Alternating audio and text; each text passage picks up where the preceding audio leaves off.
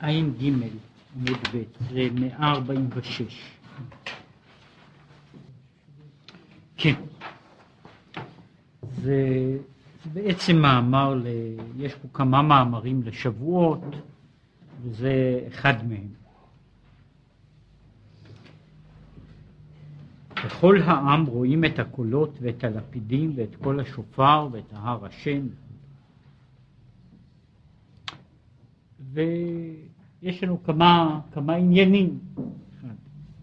להבין למה היה קול השופר במתן תורה,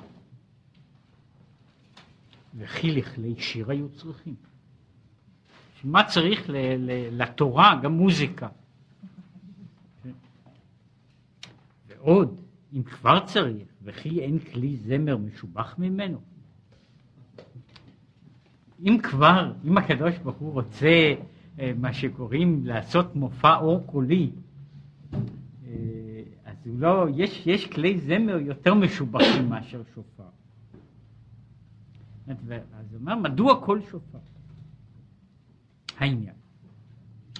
הנה, כל השופר הוא קול פשוט ומטיל אימה. קול השופר, אחד הדברים שיש לו הוא קול בלי מודולציה. קול פשוט בצד הזה. אפשר לקטע אותו, אבל קשה מאוד, אם בכלל, לשנות אותו באיזה, באופן אחר. כן? מה זה קול פשוט, קול ש, שמטיל אימה, שהוא קול חרדה, וכמו שכתוב, אם ייתקע שופר בעיר ועם לא יחרדו. כן, אה, הקול, קול השופר הוא קול שעשוי להטיל חרדה. וכן במתן תורה, כתיב, ויהי קולות וברקים וכולי וקול השופר, קול שופר חזק מאוד, ויחרד כל העם אשר במחנה. אם כן, אה, ויחרד, קול השופר הוא קול ש, שמטיל חרדה. זה צד אחד של השופר. אך עם כל זה, נקרא שופר, יש צד אחר שהוא נקרא שופר, על שם שפרו מעשיכם. השופר נקרא על שם שפרו מעשיכם, שהוא הממשיך תענוג, שבו ועל ידו נמשך למטה להיות התהוות תענוג. אם כן, כל השופר הוא קול כזה שיוצר עונג, שיוצר עונג, שהוא ממשיך מהעונג, שנמשך על ידו למטה התהוות התענוג, כי הוא מבחינת מקור התענוגים. וההמשכה זו הייתה צריכה להיות במתן תורה, מבחינת כי עמך מקור חיים, שכוונתו מקור התענוגים.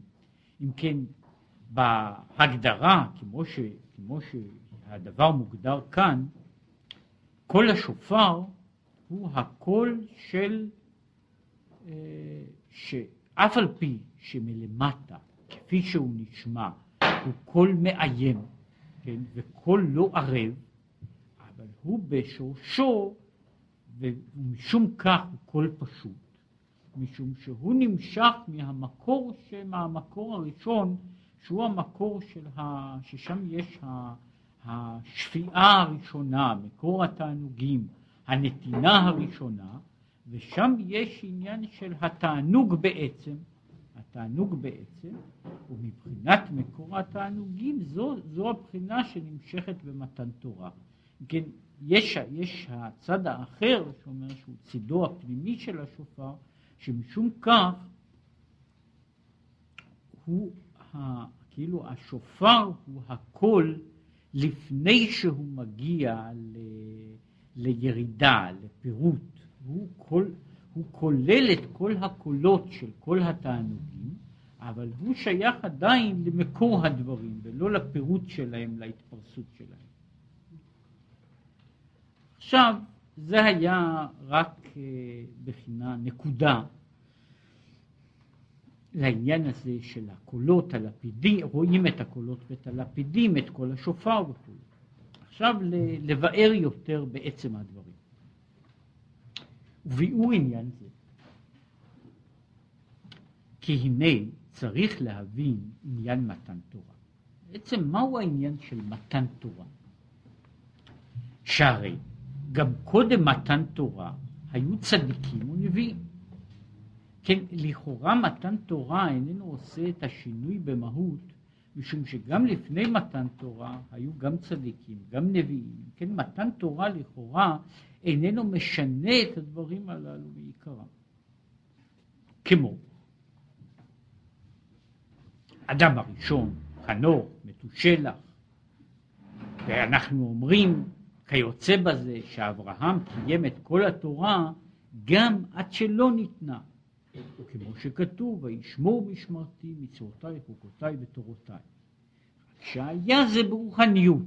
זאת הוא אמנם לא קיים את כל המצוות בגשמיות, שלא שייך לגביו קיום של כל המצוות מכל, מכל מיני צדדים, אבל הוא קיים אותן. כל המצוות שלו יכול היה לקיים בגשמיות, הוא קיים ברוחניות. אז אם כן יוצא ככה, שהמהות של תורה, זאת מהותה הפנימית של התורה, מהות התורה כ, כ, כמהות רוחנית, איננה, איננה שייכת דווקא במתן תורה. שהרי גם לפני מתן תורה קיימת תורה, והתורה הזו בצורה זו או אחרת ניתנת לקיום ולגילוי על ידי אנשים. כן? אז יש אנשים שהם לפני מתן תורה, והם עדיין צדיקים ונביאים וכיוצא בזה. אם כן, מהו מתן תורה?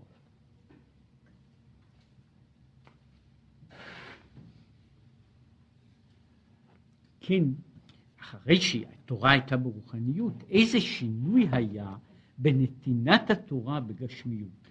שהרי לכאורה יוצא ככה, הרעיון של התורה, תוכן של התורה, תמצית של התורה, הייתה קיימת עוד לפני מתן תורה. ומשום כך יכלו להיות אנשים שהיו בתכלית השלמות גם לפני מתן תורה. ונתינת התורה היא לפי זה בעיקרה נתינת התורה כפעולה גשמית, לא כאידאה אלא כמעשה. כן? מהו השינוי, מהו העניין, כל הגדולה של מתן תורה, נקודת החיתוך הזו של מתן תורה כתורה, דווקא כתורה גשמית. וקצת בעניין הזה. אך הנה, מעלת אברהם, שהוא המגישים הראשון של, שאנחנו מסופר שהוא שומר משמרתי, חוקותיי, מצוותיי, חוקותיי. מעלת אברהם הייתה הלוך ונסוע הנגבה, שנעשה בחינת מרכבה לבחינת נגבה. אנחנו אומרים שבתוך ה, הכיוונים צפון, דרום, כך מזרח ומערב, שצפון ודרום מכוונים, הם ימין ושמאל. כן, הרי אה, צד, צד צפון נקרא שמאל, גם במקרא, גם בערבית, וצד הדרום נקרא ימין, תימן, גם ימין וגם תימן. אם כן, הצד הזה שהוא הלך הלוך ונסוע נגבה, שהוא נעשה מרכבה לבחינת החסד, בחינת אהבה, שהיא הבחינה הזו של, ה, של הנגבה.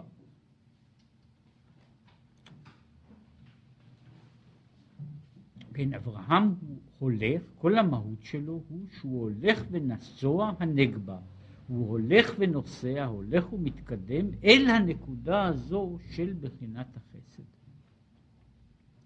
ועד שעלה, שנעשה מרכבה, כן, הרי העניין הזה שמישהו שנעשה מרכבה, זה לא בנוי רק על זה שהוא אומר, אני רוצה להיות מרכבה לשכינה, כן? אלא שהוא נעשה מרכבה לשכינה. פירושו של דבר שכל מהותו, כל האישיות שלו, היא רק כלי עבור השראת השכינה במדרגה מסוימת. כלומר, שהוא נעשה כלי, לה, כלי עבור השכינה, וזה מה שאנחנו קוראים שמישהו מרכבה לשכינה.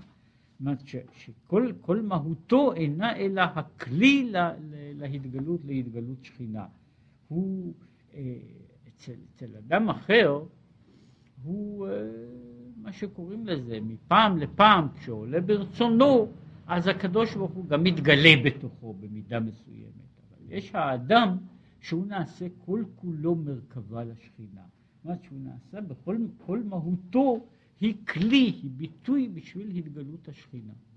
וזהו המרכבה. אברהם בן אדם לא נולד כך, כן? בן אדם לכל היותר יכול להגיע למדרגה הזו שהוא נעשה, הוא נעשה כלי לשכינה, כלי להשראת הקדוש ברוך הוא. ועד שנעשה מרכבה, היה תמיד בבחינת הלוך ונסוע. דהיינו, שהיא בחינת רצו ושוב. זאת אומרת, אומר, הלוך ונסוע היא מרמזת לאותה בחינה שנאמר לגבי חיות המרכבה והחיות רצו ושוב כמראה הבזק. אומרת, יש תנועה מתמדת של, מל, של, של אל ומה. זאת אומרת, התנועה של אל הדבר וחזרה אל, ה, אל המציאות, אל השאיפה וחזרה. וזהו העניין הזה של רצו ושוב. זוהי הבחינה של אברהם, שהוא כל הזמן, הוא הולך ברטט הזה, שהוא הולך הלוך ונסוע. אבל הוא מאיר כאן, רק הערה בצד, רק לגבי חיות המרכבה כתיב, והחיות רצו ושוב. ומדרגת אברהם הייתה למעלה מהם, היא נקראת בשם הלוך ונסוע. כן? אומר אברהם הוא למעלה מחיות הקודש שבמרכבה, ולכן אפשר לומר עליו שהוא בבחינה של הלוך ונסוע, ולא בבחינה של רצו ושוב. ההבדל הוא בצד מסוים, זאת אומרת רק מבחינה של המשמעות, משמעות הביטוי, ההגדרה של רצו ושוב בעצם כוללת בתוכה את העניין הזה של התקרבות ונסיגה, התקרבות ונסיגה. ואף על פי שיש לדבר הזה יתרונות ויש לו משמעות וגם מטרה, בכל זאת יש לו העניין הזה של להיות במקום אחד, הוא הולך רצו ושוב, הוא בעצם איננו מתקדם. לגבי הלוך ונסוע, הוא רוצה לומר שבכל מקום, כל תנועה שלו היא תנועה של התקדמות. בין שהוא הולך הלוך, בין שהוא הולך חזור, הוא תמיד מתקדם. זאת אומרת, הוא מתקדם לא רק בכיוון, לא רק בצד האחד, כן? זאת אומרת, אם אני, אה, אה, אם, אם לתת לזה מעין, נאמר דוגמה, אה, פעמון חשמלי עומד על זה, הוא מצלצל, הוא נמצא במקום אחד, והוא כל הזמן, הוא נוגע ומרפא, נוגע ומרפא, ועל ידי זה הוא משמיע קול. זהו ה... זהו, אבל הוא נמצא בעצם במקום אחד, אלא שהוא יוצר, הוא יוצר את הצליל על ידי זה שהוא נמצא בתנועה מתמדת. אבל יש תנועות כאלה שלמרות שהן תנועות מורכבות, הן תנועות מורכבות, כלומר יש להן שני, צדד, שני צדדים, יש להן נאמר מעלה ומטה, עם כל זה יש, יש, יש צירוף של שתי תנועות, אם להביא לדוגמה, אה, אחת הדוגמאות שיש לדבר הזה היא תנועה של גל. כל גל בנוי על חלקיקים שמתנועים הלוך למעלה ומטה. אבל נוסף לזה, הגל בכללו הולך, מת, מתפשט והולך הלאה. הבחינה הזו של, של, של הלוך ונסוע היא שהרצו ושוב הוא לא רצו ושוב סטטי, אלא הוא רצו ושוב דינמי. זאת אומרת, הוא כל הזמן ממשיך והולך הלאה, ולכן אומר, זה בחינת אברהם, שהיא למעלה מן הבחינה של, של החיות.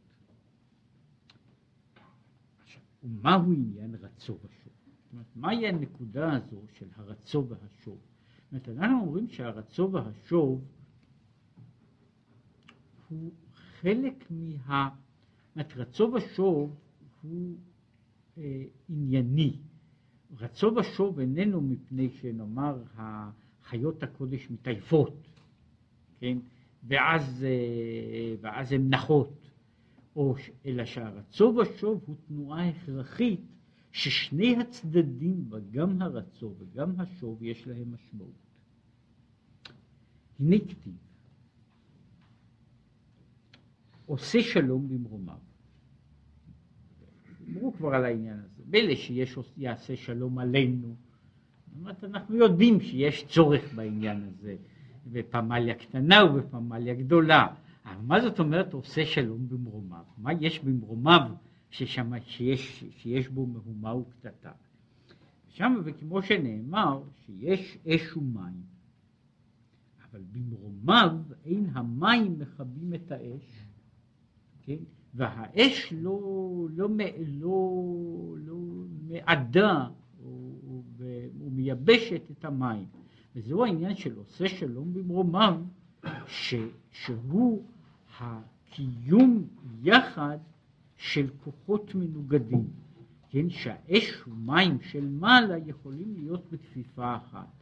לכן אה, למשל אותו עניין, אותה אמירה שמדברים על השמיים שהם אש ומים, כן, שהם אש ומים שנמצאים כאילו פתוחים יחד, כן, שיכול להיות שהאש והמים יהיו, יהיו, יהיו ביחד, כן, בעולם הזה הם אינם יכולים להתיישב יפה אחד עם השני. במרומיו הקדוש ברוך הוא עושה שלום. אומר, הריב הזה, אה, מלחמת האש והמים, היא קיימת גם במרומיו, אף על פי שאין במרומיו לא אש ולא מים במשמעם, אבל יש אש ומים בצורה אחרת. עכשיו הוא אומר, לכאורה אינו מובן, איך שייך לומר במרומיו אש ומים? ומהו עניין המים מכבים את האש עד שהוא צריך לעשות שלום בין האש והמים. אך העניין, ואש ומים הן הם בחינת רצו ושוב. האש והמים שייכים לבחינות היסוד של, של אותו רצו ושוב. זאת אומרת, יש שתי בחינות יסוד בהתייחסות כלפי הקדוש ברוך הוא, שתי מידות יסוד, שהן המרכז של הרצו והשוב, ושתי המידות הללו הן גם המרכז של, של מה שאנחנו מדברים בו אחר כך, כל, של כל התנועה של כל החיים. והחלוקה הזו קיימת גם, גם לעילה. וכנודע שיסוד האש הוא בתוך האדם בלב, ששם הצמאון, בחינת רצו. כן, יש הנקודה הזו של רצו, השאיפה אל, שהיא שהשאיפה הזו בבחינה של האש, כמו שאני מתאר אותה, שהאש והמים קודם כל בולטים אחד מול השני בזה שיש להם שתי תנועות הופכיות. האש תמיד עולה למעלה, תמיד עולה למעלה, המים תמיד יורדים למטה. כן, אז יש, תנועת האש ותנועת המים הן שתי תנועות הופכיות. התנועה של הדבר שעולה והתנועה של הדבר שיורד.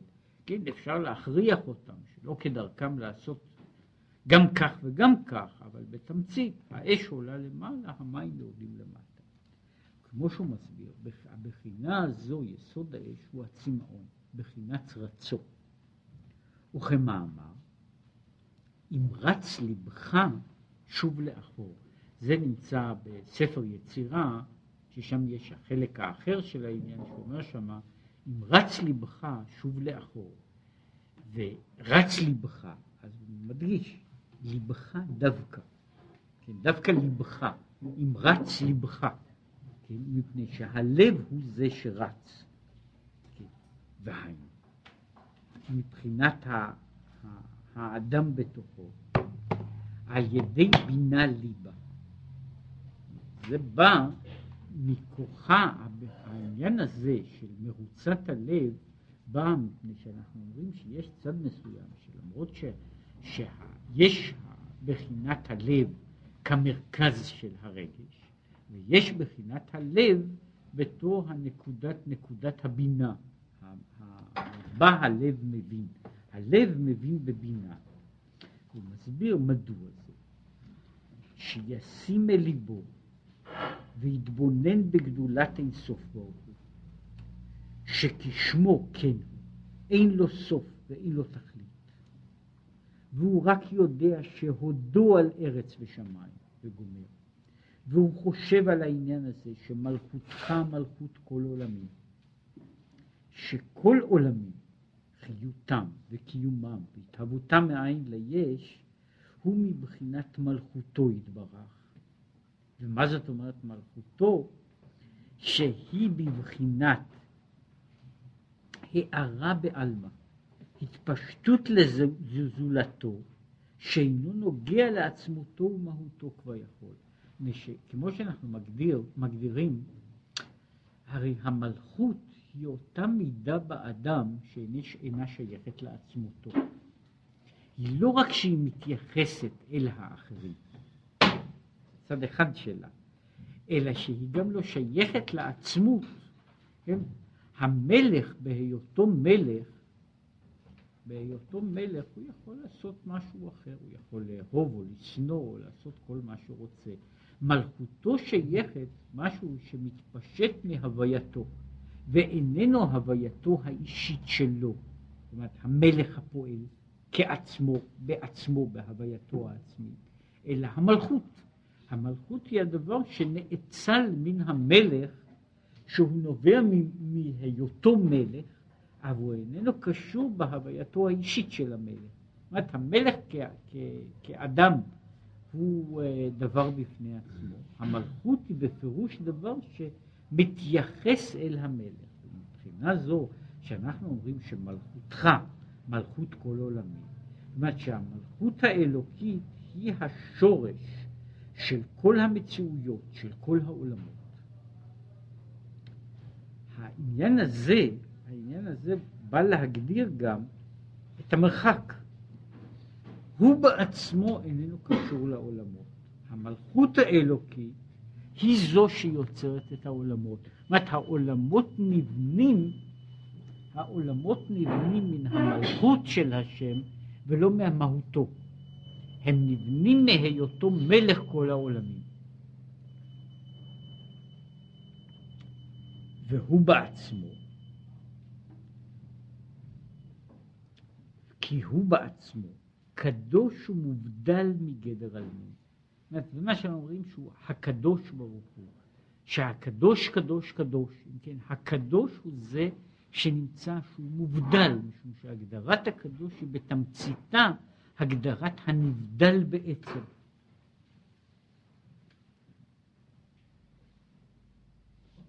לא בבחינת ממלא כל עלמין ולא בבחינת סובב כל עלמין, שאף על פי שאנחנו מדברים על השם בבחינת ממלא כל עלמין, מה שקוראים בבחינת האימננטי, אנחנו מדברים עליו בבחינת סובב כל עלמין, בבחינת טרנסצנדנטי, אבל מבחינת מהותו הוא לא שייך בכלל ההגדרה שמייחסת אותו לעולמות היא לא ממין העניין כאילו, מצד עצמותו הוא לא שייך בכלל לעולמות.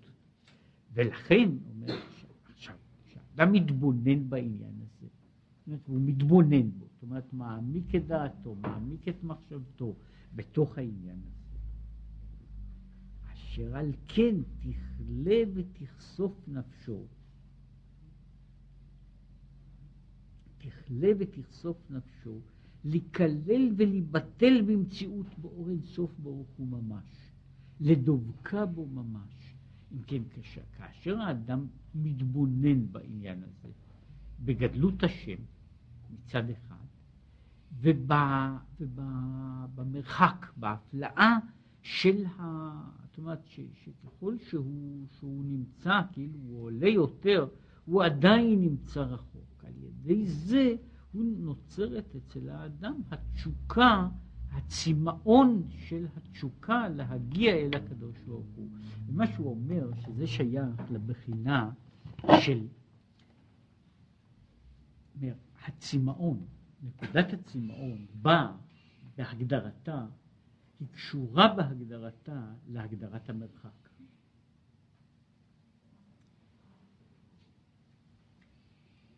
להגדרה הזו, אני צריך כדי שיהיה לי, כדי שתהיה תשוקה לדבר, יש שני, שני אלמנטים בזה. הגדרת החפץ, שהדבר הזה חשוק ורצוי ואהוב, גדול, חביב וכולי וכולי, כמו שאנחנו אומרים. ומצד השני, הרגשת המרחק. כן? כשאחד מאלה חסר, אין הרגשה של צמאון, אין ההרגשה הזו של התשוקה הבוערת. הלב לא רץ. אומרת, כאשר, למשל, כאשר יש, וזה חלק בעניין הזה, מדובר גם על הבחינה הזו, שיש סוג של אהבה, שהוא קורא לזה, למשל בתניא, כמים. כן? אהבה כמים היא כאשר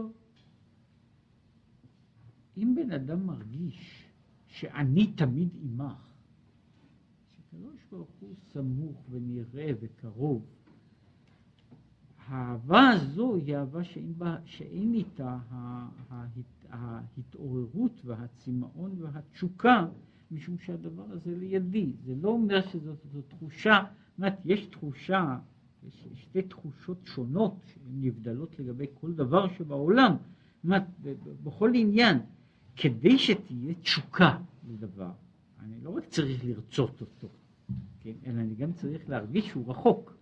כן, אני צריך, כדי, שאני, כדי שייווצר מה שאני קוראים לזה מתח, המתח דורש את שני האלמנטים, את הרצייה ואת המרחק. וכאשר שניהם אינם מצויים, אין מתח.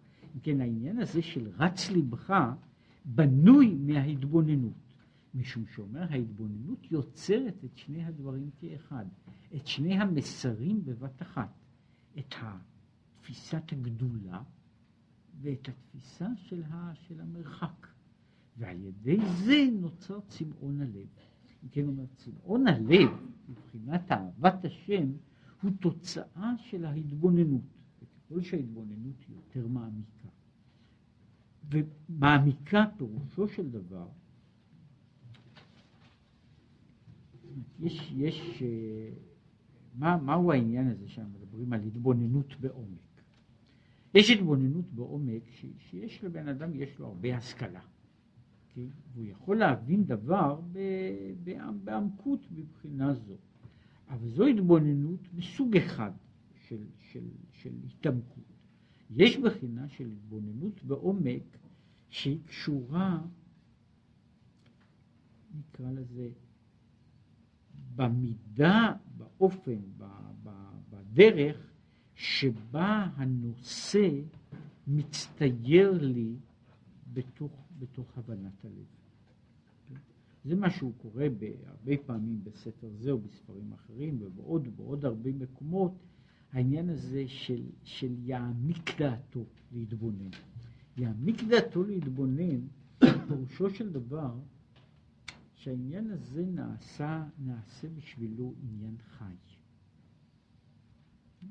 כל אחד שיש לו איזושהי תשוקה, איזושהי תשוקה, יודע את העניין הזה לפחות בתוך הדברים, בתוך הדברים שהוא מכיר אותם, איך הם נוצרים.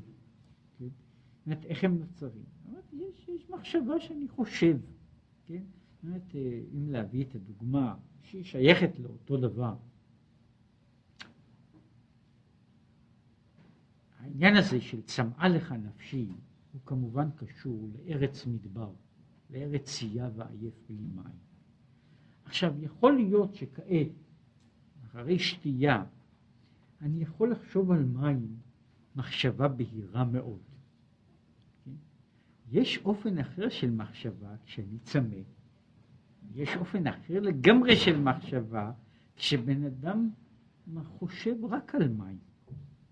זה קורה כשבן אדם נהיה צמא בשלב מסוים, וזה גם, זה אגב גם יוצר צמאון, זה, זה דבר, דבר ידוע, שחלק מיצירת הצמאון היא, אה, היא תוצאה בכל מיני צמאונות.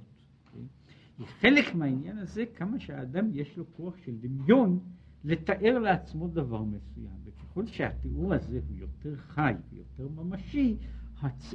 התחושה של הצמאון היא נעשית יותר חזקה. וזה נכון שוב לגבי אה, כל אחד במה, ש... במה, שהוא... במה שנפשו חשקה, אז אפשר לראות את המנגנון הפנימי של ההתבוננות, כיצד המנגנון הזה עובד. זאת אומרת שהמנגנון הזה של התבוננות הוא המנגנון, הוא לא בנוי על זה שאני יודע את העניין הזה לאשורו על בוריו, כן?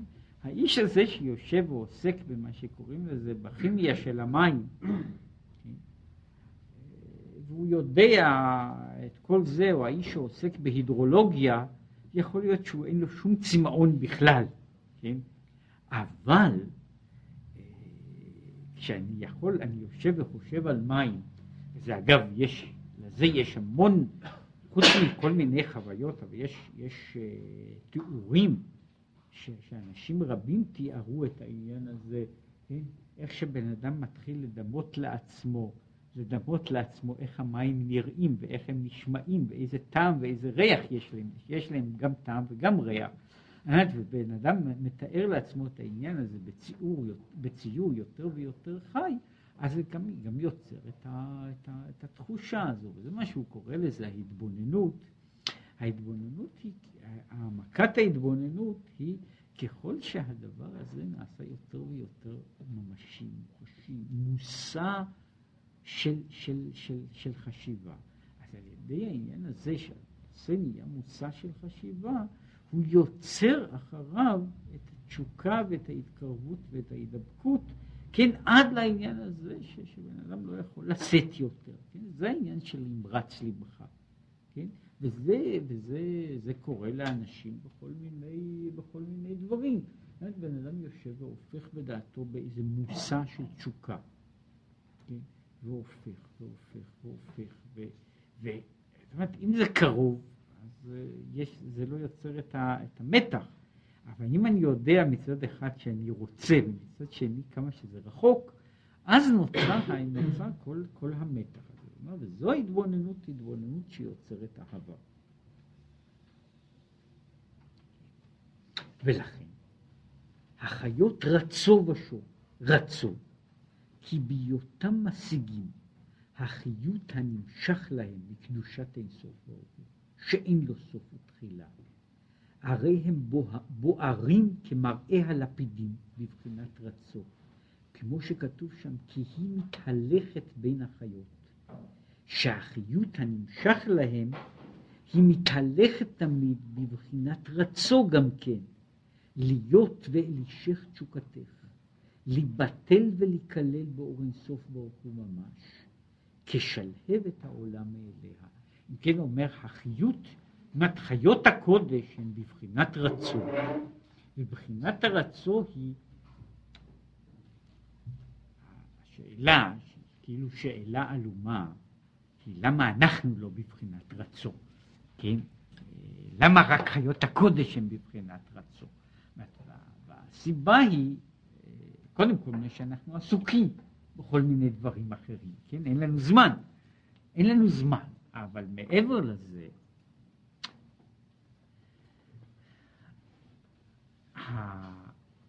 הרגשת החיות הבאה מן האלוקי היא בשבילנו הרגשה עמומה. משום שהיא הרגשה עמומה, אנחנו צריכים אה, להגדיר אותה, להבהיר אותה, להביא אותה לכלל מדרגה של, של השגה והתייחסות.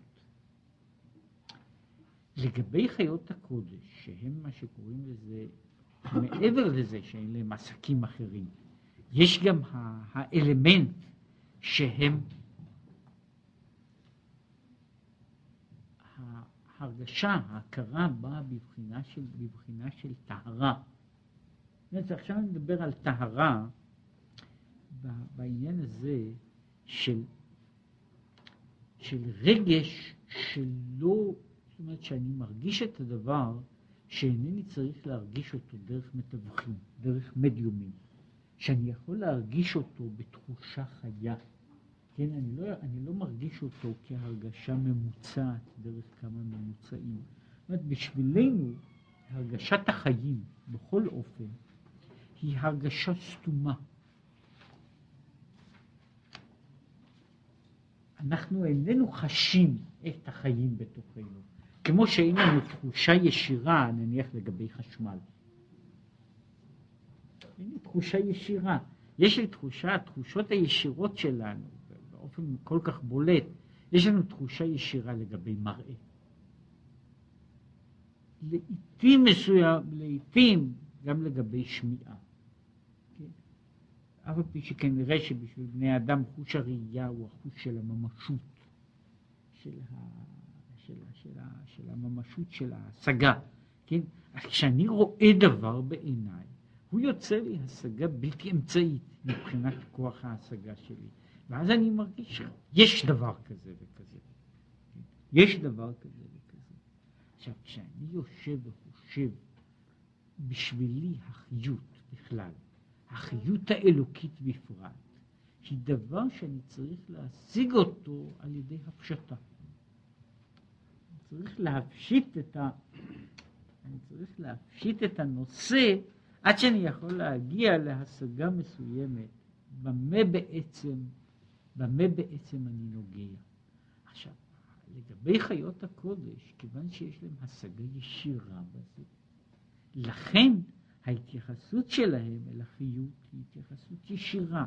החיות הזו היא בשבילם דבר שהם מצד אחד מרגישים, ומצד שני הוא מעורר בתוכם את התשוקה להגיע אל המקור של אותו דבר. זאת אומרת, בערך כמו שלנו יש גירוי בזמן שאני רואה דבר. יש, יש לנו מערכת של גירויים, אלא אומרת, מערכת הגירויים שלנו במידה רבה היא מערכת חיצונית, מערכת של עצבים, כן, לבבכם ועיניכם קשורים אצלנו, כן, ולכן אנחנו, אנחנו יוצרים, הגירויים הישירים שלנו באים בכל מיני צורות דרך החושים. ברור, גם לגבי בני אדם, וזה הבדל שיש מבחינה זו אצל, גם, גם אצל אנשים, שאנשים יכולים בשלב מסוים של התפתחותם, יכולים להגיע לידי, לידי איזשהו, לאיזושהי הרגשה על ידי יצירה של מושגים, מה שהוא קורא על ידי התבוננות.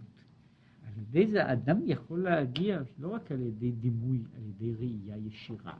זה הרי חלק מהעניין, מה שתיארתי על העניין הזה של התשוקה, של תשוקת הנפש. זאת אומרת, יש תשוקת הנפש שנוצרת, אני מראה לאדם צמא, אני מראה לו כוס מים, בצד השני של הכלוב.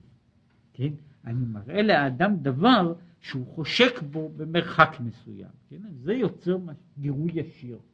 אנחנו יכולים גם ליצור בתוכנו תבניות, מעין תבנית ראייה, מעין תבנית שמיעה. אנחנו יכולים ליצור בתוכנו גם תבניות של דברים הרבה יותר מופשטים. אנחנו יוצרים בתוכנו דמויות של בני אדם ומתייחסים אליהם. אנחנו יוצרים לפנינו דמויות מאוד מורכבות של מושגים. זאת אומרת, חלק מהרציות של, של בני אדם, שהן רציות המוניות, הן רציות הרבה יותר מופשטות, כסף. יש כמות מסוימת של אנשים שיש להם תשוקה פוזיטיבית לכסף. זאת אומרת, יש אנשים, ש... לא, יש אנשים ש... ש... שמשתמשים בזה ולא אכפת להם, אבל יש אנשים שזה בשבילם תשוקה תשוקה, תשוקה ממשית. עכשיו, כסף הוא דבר די מופשט. כן? אז פירושו של דבר שאנשים יכולים ליצור, עכשיו אמרתי, לא רק אנשי מעלה, אנשים יכולים ליצור התייחסות לדבר מופשט למדי. לא, אנשים מתייחסים לדבר כמו מולדת. התייחסות מאוד מאוד מאוד מאוד חיה, חיונית, למרות שהדבר הזה הוא לא בהכרח, גם בשביל אנשים שקשורים לזה, הוא לא בהכרח רק עניין של דמות, דמות של, של, של נוף, של צליל, של צבע, אלא הוא מושג. אלא שהמושג הזה, כאשר אדם מתבונן בתוכו, הוא נעשה מושג שכל כך חי, כל כך, כל כך משמעותי, עד שהאדם יכול לבנות אליו, לבנות אליו התייחסות, כן? וברור שההתייחסות הזו, ברור ש, שהתחושה כלפי מולדת היא בוודאי בנויה, וזה להבדיל, למרות שאני אפילו לא בטוח, יכול להיות שעל פי ההלכה הוא היה יהודי. אה, אה, היה המשורר הלאומי של פולניה, אדם מיצקביץ', כן? שהוא היה, שיכול להיות שעל פי ההלכה היה יהודי, כן? הוא היה בלי ספק ממשפחה פרנקיסטית, כן? אבל באמת לא בדקתי את הייחוס שלו, כן? אבל, הוא מתחיל, שירים, שיר שלו, אני חושב, הליטא, כן? שמולדת זה דבר שאפשר להרגיש אותו כשהוא איננו. דבר שאפשר להרגיש אותו כשהוא איננו. זאת אומרת, בן אדם מתייחס, התשוקה לעניין היא נובעת מתוך המרחק, כן? בן אדם יכול, יש לו תשוקת מולדת שהיא הרבה יותר חזקה כשהוא נמצא במרחק מאשר שהוא נמצא במקום. ברור, מפני שיש, זו תחושה אחרת. כשאדם נמצא במקום הוא מרגיש תחושה אחרת, זו תחושה אבל רגועה. הצמאון, הגעגועים, כל, כל העניין הזה שהוא קורה בחינת הרצו, היא נובעת מן המרחק.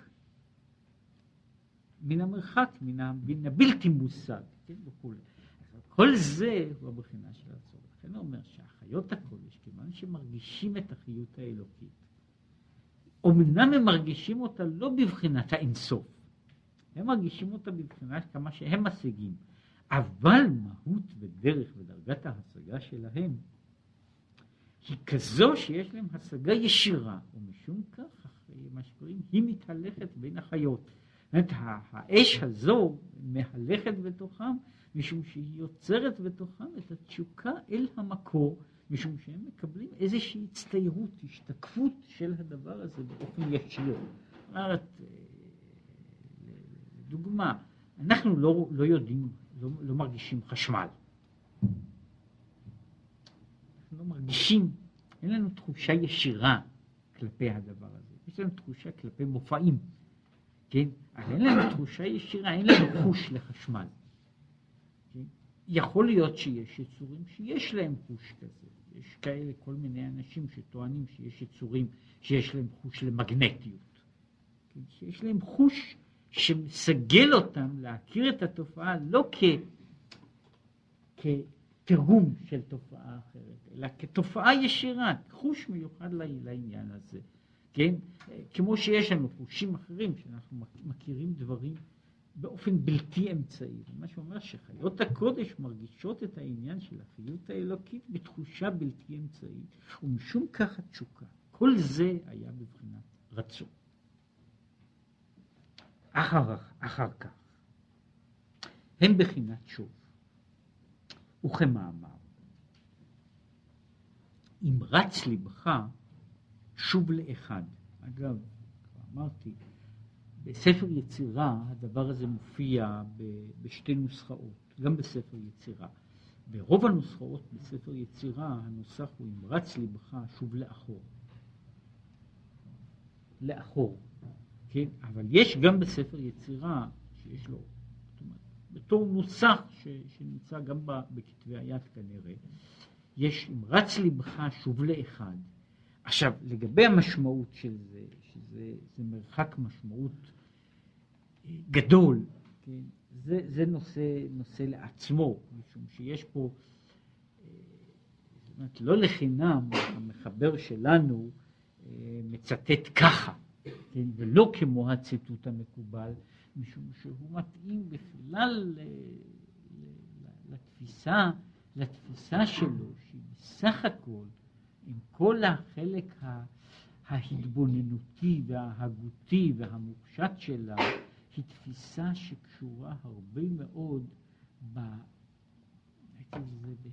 בקדושת העשייה. בקדושת הביצוע, כל שכן בתוך המאמר הזה שהוא מדבר על זה, ולכן השיבה היא לאחד ולא לאחור, כן? אבל מהו השוב?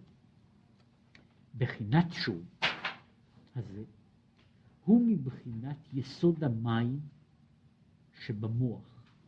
אם הלב הוא אש, המוח הוא מים. כן? כמו שהיו אומרים אה, בתיאור של, של ה... של ארבעת היסודות היו אומרים שהלב הוא חם ויבש והמוח הוא קר ולח. הגדרה לא רעה של מוח, כן, של אינטלקטואל. כן, כן, אני חושב שזו הגדרה די טובה, קר ולח. כן? אז זאת אומרת, עכשיו, יסוד המים הוא במוח. בחינת חוכמה מהי חוכמה? אנחנו אומרים שבינה ליבה, חוכמה מוחה, בינה ליבה. כן, החוכמה היא המוח, הבינה היא הלב. עכשיו, ומהי חוכמה? היא האותיות של כוח מה. ומה הוא, כמו, ושוב, יש פה שוב ציטוט מספר יצירה, מה פשפשת, מה ידעת. מה, כמעט כמו שיש במובן הזה, שזה נכון גם לגבי עברית, זה ודאי נכון לגבי, לגבי שפות אחרות ששם המשמעות הזו נמצאת, כן, למשל בערבית, מה הוא בפירוש מילת שלילה. הוא מילת שלילה, היא, היא לא. כן? עכשיו, גם, ב, גם ב, בעברית, גם בעברית יש לה, לה, לה, לה, למילה, יש לה, בכל המשמעויות שלה, יש לה מה שקוראים לזה אה, צליל עילי של העניין הזה של מה במובן של אין. אבל יש גם משמעויות שאנחנו מדברים על זה, כשמשה רבינו אומר ונחנו מה, כן? אז הוא מעשה אומר אנחנו שום דבר, כן? אנחנו שום דבר, אנחנו כלום, אנחנו עין, כן? והוא מדבר פה שמה פשפשת, מה ידעת, הוא לא השאלה. מה פשפשת? ברור, מה פשפשת הוא ביטוי של, של, של, של, של יש אחרי ה... יש נקודת הרצון, אני רוצה להידבק. אחר כך יש נקודת השוב, שהיא נקודת המה, נקודת העיון. מה פשפשת? מה ידעת? כי מי אתה? מה אתה? מה אתה רץ? מי אתה שתרוץ? כי זאת אומרת, יש, הייתי קורא לזה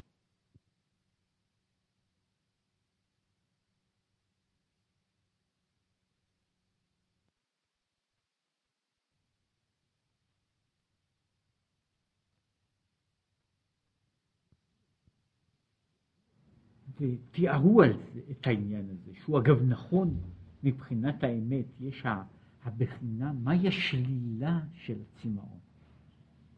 שלילה של צמאון יכולה לבוא מבחינת הרגשת המרחק. יש דבר שהוא בלתי ניתן לחלוטין. הדבר הזה, כשאני משיג שדבר מסוים הוא מרוחק ממני עד אינסוף, יש בזה סטייה שלמה מה, מהאלמנט של התשוקה. זאת חלק מסוים, טוב או לא טוב, בתוך, בתוך האדם, הוא שחלומות מסוימים הם, הם נגמרים על ידי זה שאני יודע שהדבר הזה הוא בלתי מושג לחלוטין. אני יודע אם ילדים קטנים מנסים, מנסים לעוף. יכול להיות שעכשיו כולם כל כך חכמים שהם כבר לא מנסים. אבל אם ילד קטן רוצה לעוף, אחרי זמן מסוים הוא לא רק שהוא לא מנסה יותר, הוא גם לא רוצה יותר. כן? זו, זאת אומרת, יש נקודה כזו שאני יודע שדבר מסוים הוא לא בגדר שלי, כן? הוא לא בגדר שלי, ואז הוא, הוא יוצר אומרת, הוא לא יוצר, אה, זאת אומרת, אין לי עכשיו, אני יוצא בכלל, מה, מה יש לי, אין לי מה לעשות עם זה, שזה בגדר האחר של, ה, של העניין. אה, אחד התיאורים, וזה מביא למשל לאבן עזרא, קשור קצת לעניין הזה של עשרת הדיברות, שהוא מסביר את העניין הזה של לא תחמוד. מה זאת אומרת שבן אדם אומרים לו לא תחמוד אשת רעך? מה הוא עושה אם הוא בכל זאת רוצה? מה, מה, יש, יש כתוב ככה, נו אז מה? כן? זאת אומרת, איך, אפשר, לעשות, להטיל ציווי?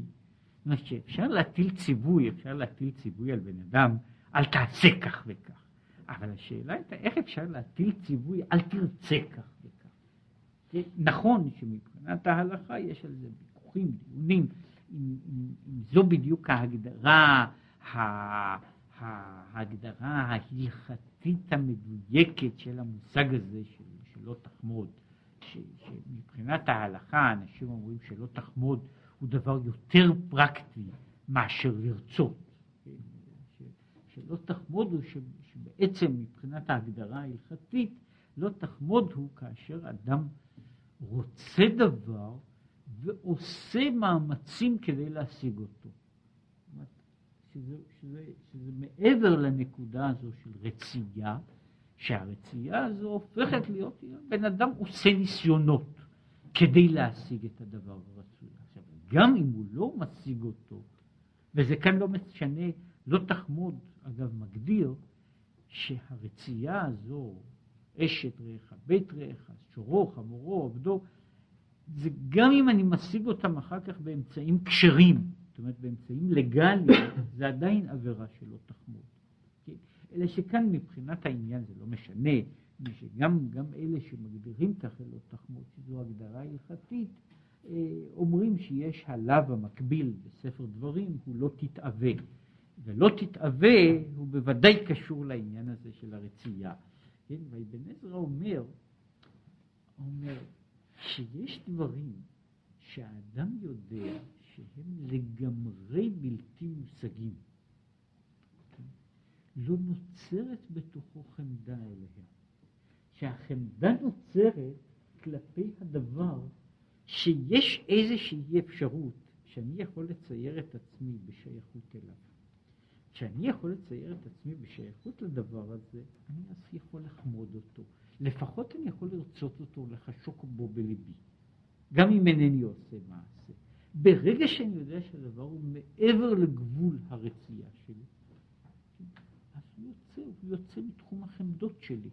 הוא נמחק מתחום החמדות שלי. כל אדם יודע, אה, בכל שלב ושלב, שבן אדם עובר לנקודה שתחום החמדה שלו, הוא, דברים מסוימים הם כבר לא בתחום, אפילו לא בתחום החלומות שלו, משום שהדברים הללו הם לגמרי מעבר לגבול. כן, עכשיו, יש בעיה, זה, זה עניין גם של בעיה, עניין חברתי, עניין חינוכי, אה, עניין, אה, עניין של, של, של, של, אה, של ממשפחה עד לכל דבר אחר. ברגע למשל, ש, ש, שהמסר לכל אדם הוא שכל מה שאתה יכול לתפוס ביד הוא שלך. כן? ברגע למשל שיש מושג פשוט, כן? שהכל הוא אפשרי, שהכל הוא מותר. כן? ממילא העניין הזה שלא תחמוד, הוא מתקצץ ומתכווץ בדרך הטבע. וככל שהדברים הללו הם אה, מתמעטים, אז יש הדבר הזה של הלא תחמוד, ויש אה, אצל, אצל, אצל כל אדם, יש לו את הכמות מסוימת של ההגדרות שהוא מגדיר את הדברים שהוא עכשיו אינם, אינם כבר מושאים לחמדה, משום שהם עומדים אל מול המרחק הבלתי ניתן לגישור, כן? ומה שהוא מדבר שם על העניין הזה של, של, של לא תחמוד, הוא בעצם אומר שאם בן אדם יודע שדברים מסוימים הם מחוץ לגבול. הדברים הללו הם מחוץ לגבול, הם באותה מידה שכשם אה, שבן אדם, נגיד ככה, יכול להיות שבן אדם יכתוב, יכתוב שיר גדול על ביאטריצ'ה, כן, כמו דנטה, כן, על אהובתו שמתה, אבל תשוקה במובן הזה שלא תחמוד לא קיימת יותר. זה דבר, הוא יודע שהוא לא יכול להשיג את הדבר. יש סוג כזה של דברים שבן אדם, הדבר הזה מבחינתי הוא מופע, כן? הוא איננו יותר מושא של חמדה. כן? עכשיו, הוא פה מדבר על העניין של המה, של המרחק, של המרחק שנוצר. זאת אומרת שיש הצד האחד הוא של חמדת הלב, אני רוצה, אני משתוקק. ומהצד האחר אני רואה, זאת אומרת, כאילו בצד אחד אני רואה את הדבר האהוב, כמה שאני יכול להשיג אותו, בצד השני אני רואה את המרחק, את התהום, ויותר מזה, וזה דבר, זה חלק אחר שהוא פה, פה מדבר אליו, העניין הזה של מי זה ערב, מי ערב ליבו לגשת אליי נאום השם. יש בכל עניין של אהבה, בכל עניין של אהבה, בכל דבר, יש באופן עלום, יש הנחה שאני שייך לזה. שאני שייך לזה, ולכן אני יכול, אני יכול לרצות. כשיש דבר שאני מרגיש את עצמי קטן וחסר ערך, אני מפסיק לרצות. אני יכול לרצות דבר כל זמן שאני יכול להרגיש שיש לי, שיש לי שייכות. כשאני לא מרגיש יותר את השייכות, מה, מה לי לעשות? עכשיו, הוא אומר שהצד האחר, זהו, זה חלק מהיראה, לא בבחינת האימה, לא בבחינת הפחד, זה חלק מהיראה בבחינת הביטול. מי אתה? מה אתה? מה אתה יודע? מה ראית? מה שמעת? עכשיו, כל הדברים הללו הם יוצרים מה שהוא קורא לזה של החוכמה ככוח מה, היא כל כולה, היא מתכווצת בתוך עצמה לא מחמת הפחד, אלא מחמת המרחק. היא מתכווצת מחמת ההרגשה של התהום האינסופית. ובתוך ההרגשה הזו, בן אדם, בן אדם חוזר אל העולם שלו, כן? מעבר לתשובה, זאת אומרת, מצד אחד אני רוצה, אני רוצה לעוף בשמיים, כן?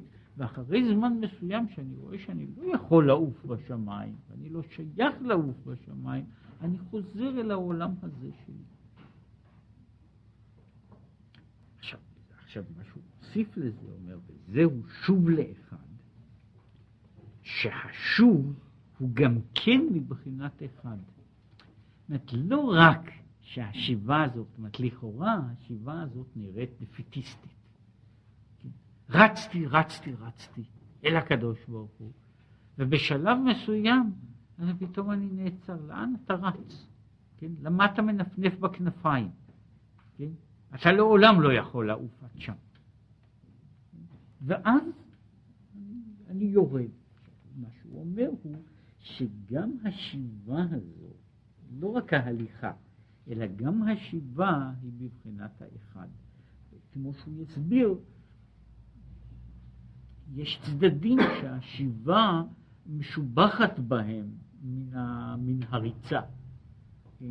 אלא ששוב, כמו שהוא מסביר, כיוון שיש פה תנועה, זה מה שהוא רוצה לומר, והנה, בבחינת שוב, בבחינה ומדרגה זו, אין המים שבמוח מרבין את הצמאון שמיסוד האש שבלב, להיות מכבים את האש לגמרי, ולהיות נופל על ידי זה ממדרגת הצמאון והתשוקה שבלב. מה שקורה הוא, וזה מה שמדבר על עושה שלום במרומיו, עושה שלום במרומיו הוא בדרך כלל, זאת אומרת הייתי מצפה ש, שיש כאילו שני דברים. אני מנסה, כמו שאמרתי, אני יכול להיות ילד קטן או אדם שחולם חלומות, וחולם וחולם, עד שלבסוף הוא מגיע למצב שבו הוא מגלה שהוא לא יכול לעשות את זה. כן? יכול להיות שמישהו היה אדם צעיר, והוא חשב ש, שאם הוא רק יגדל עוד חצי טפח, אז הוא יהיה ליאונרדו דה וינצ'י. כן? עוברות כמה שנים, והוא מגלה שהוא לעולם לא יהיה ליאונרדו דה וינצ'י. כן? זאת אומרת שיש, שזהו גמר את העניין הזה, זה, זה לא בתוך התחום שלו. השאלה היא מה קורה, כן? מה קורה. עכשיו, הרבה פעמים קורה שאדם, היה לו מושג של תשוקה, ואחר כך הוא הגיע להרגשה שיכולה להיות, יכולה להיות ההרגשה הזו זאת היא יכולה להיות בין מקטנות עצמו, בין מגדלות הנושא. לא פעם קורה שבן אדם נכנס לאיזה מטלה, משום ש... שיש לו, הוא נראה בעיניו שזה דבר חשוק ורצוי. כשהוא נכנס אל תוכה, הוא מתחיל להבין למה מה הוא רצה, מה, מה הוא בעצם קיבל על עצמו לעשות, ואז הוא נבהל. והוא שוב מכניס את עצמו במקום.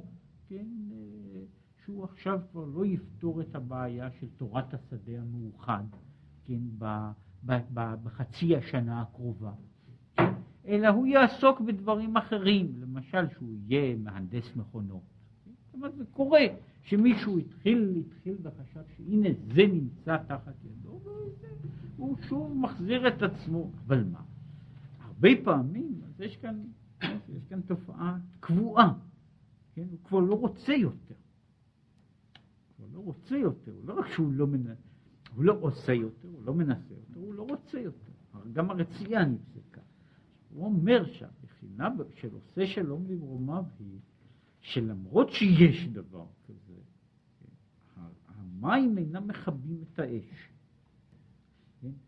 וכשם שהאש איננה, איננה מייבשת את המים, כן, שהאדם יאבד את תחושת המרחק, כך המים אינם מכבים את האש, שהוא יאבד את תחושת הצמאון. כי הנה, שיה, כי יש, יש בכוח הלב להתגבר עוד בבחינת אש וצמאון, ולהוסיף מדורת אש השלהבת עזה ביתר שאת. וכמו שכתוב בספר יצירה, שיש אש ממים. אומרת, יש, התהליך הזה הוא תהליך שיכול להיות, אחרי המים יש שוב, יש אש חדשה, ואחרי זה יש שוב, יש למעשה זה כאילו יוצא שבן אדם רץ, וכשהוא רץ הוא מגיע לתחושת הנשגב, וכשהוא מגיע לזה הוא פתאום מרגיש שמה מה יש לי לרוץ, אין, אין מה לרוץ, כן? והוא חוזר בחזרה. אבל החזרה הזו בחזרה היא לא, מכיוון שהיא איננה נובעת.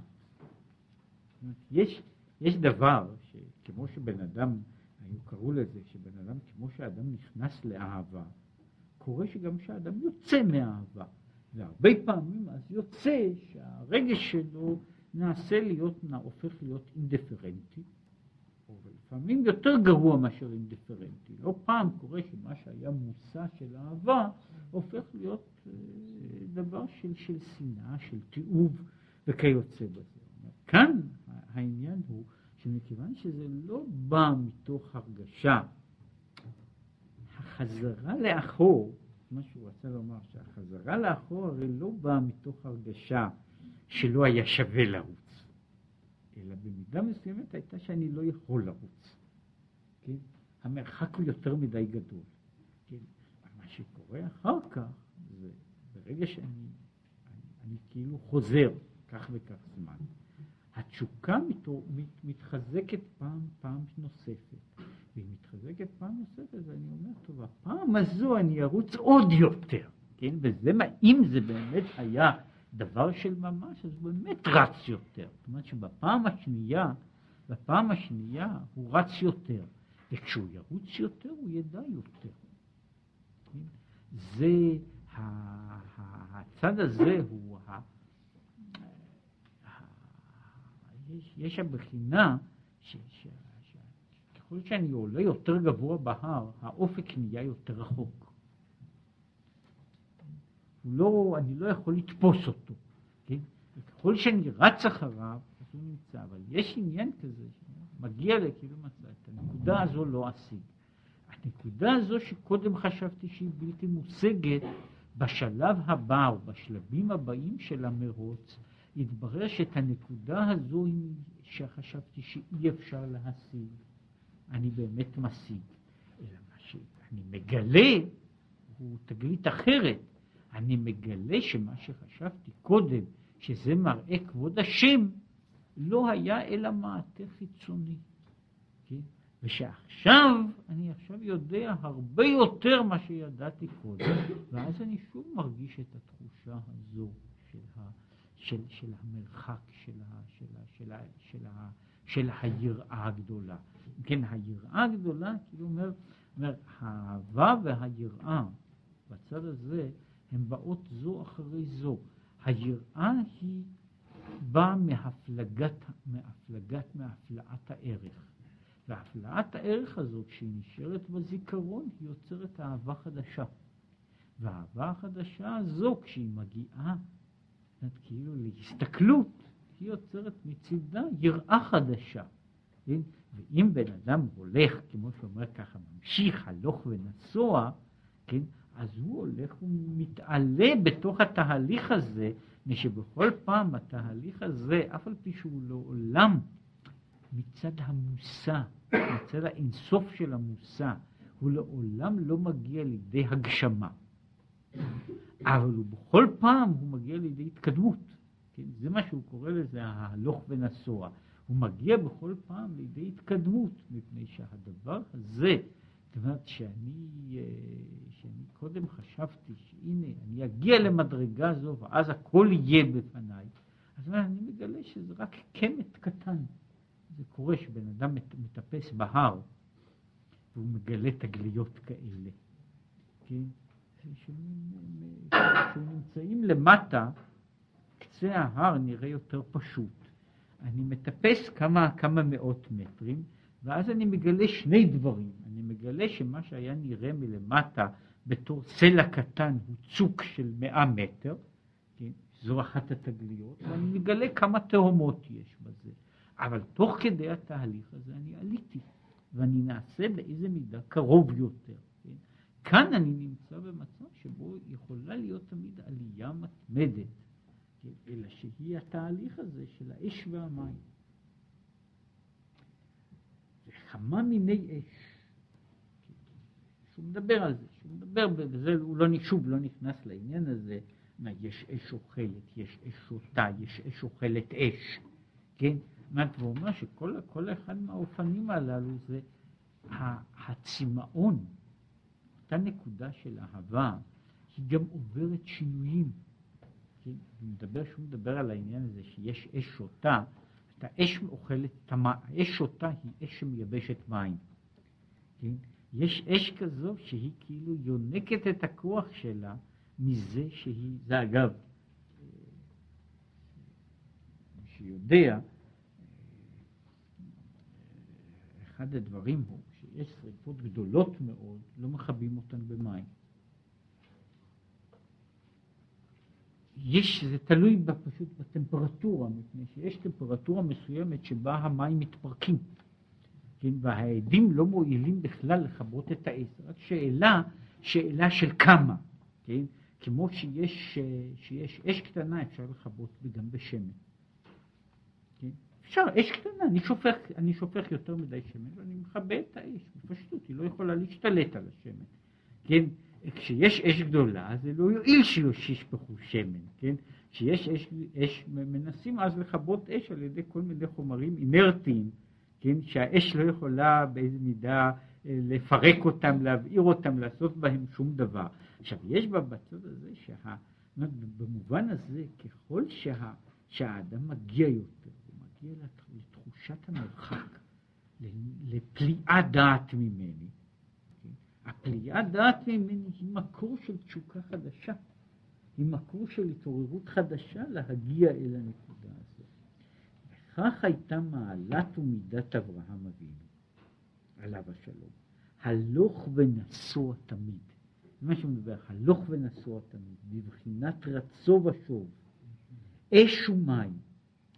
אש למעלה ממים ומים למעלה מאש, עד רום המעלות, עד שנעשה מרכבה. אומרת, כיוון שהוא ממשיך ככה, שאש למעלה ממים ומים למעלה מאש, אז הוא בכל פעם, זאת אומרת, הוא בכל פעם מגיע, עד שהוא מגיע למעלה כזו, שהוא נעשה מרכבה לשכינה. כן, זאת אומרת שהוא מגיע לפחות למהות כזאת של זיקוק העצמיות, שהעצמיות שלו הופכת להיות מרכבה לשכינה. כן? זאת אומרת שהעצמיות, שהאישיות שלו בתוך התהליך הזה של הריצה הלוך ושוב, הרי הריצה הלוך ושוב הזו היא לא ריצה, כמו שאמרתי, היא לא עמידה במקום אחד, אלא היא הלוך ונסוע. היא הלוך ונסוע, שהוא הולך למרות שכאילו יש בזה שני צדדים, שני הצדדים הללו הם מפרנסים בסוף אחד את השני. הם מפרנסים אחד את השני, כמו התהליכים למשל של, של, של הלב. התהליכים של נשימה, ש, שיש גם, גם הם בנויים על התהליך הזה. תהליכי החיים בנויים על תהליך של רצו ושוב, מתמיד, כן, על אוסצילציה מתמדת. והתהליכים האלה בנויים, כמו, כמו הם בנויים כל הזמן על העניין הזה שיש, ששני הדברים הללו קשורים אחד בשני, הנשימה והנשיפה, כן, הפעימה פנימה וה, והפעימה החוצה, הם בנויים אחד בתוך השני והם שואבים אחד מן השני, זאת אומרת יש להם קורלציה ישירה אחד עם השני. עכשיו אם יש כל זה כל פעם הולך כאילו הוא מתגבר ויוצר יוצר יותר ויותר, להגיע עד למעלה העליונה שהיא המעלה של, של המרכבה לשכינה, שהאדם נעשה אז כלי, כלי להשראתה של השכינה, כן? וזה, וזה מה שהוא אומר, המרכבה, המדרגה ומעלה של אברהם אבינו. כן? זה השם בשבוע הבא נדבר לא על אברהם אבינו, על אולי על אנשים יותר קרובים.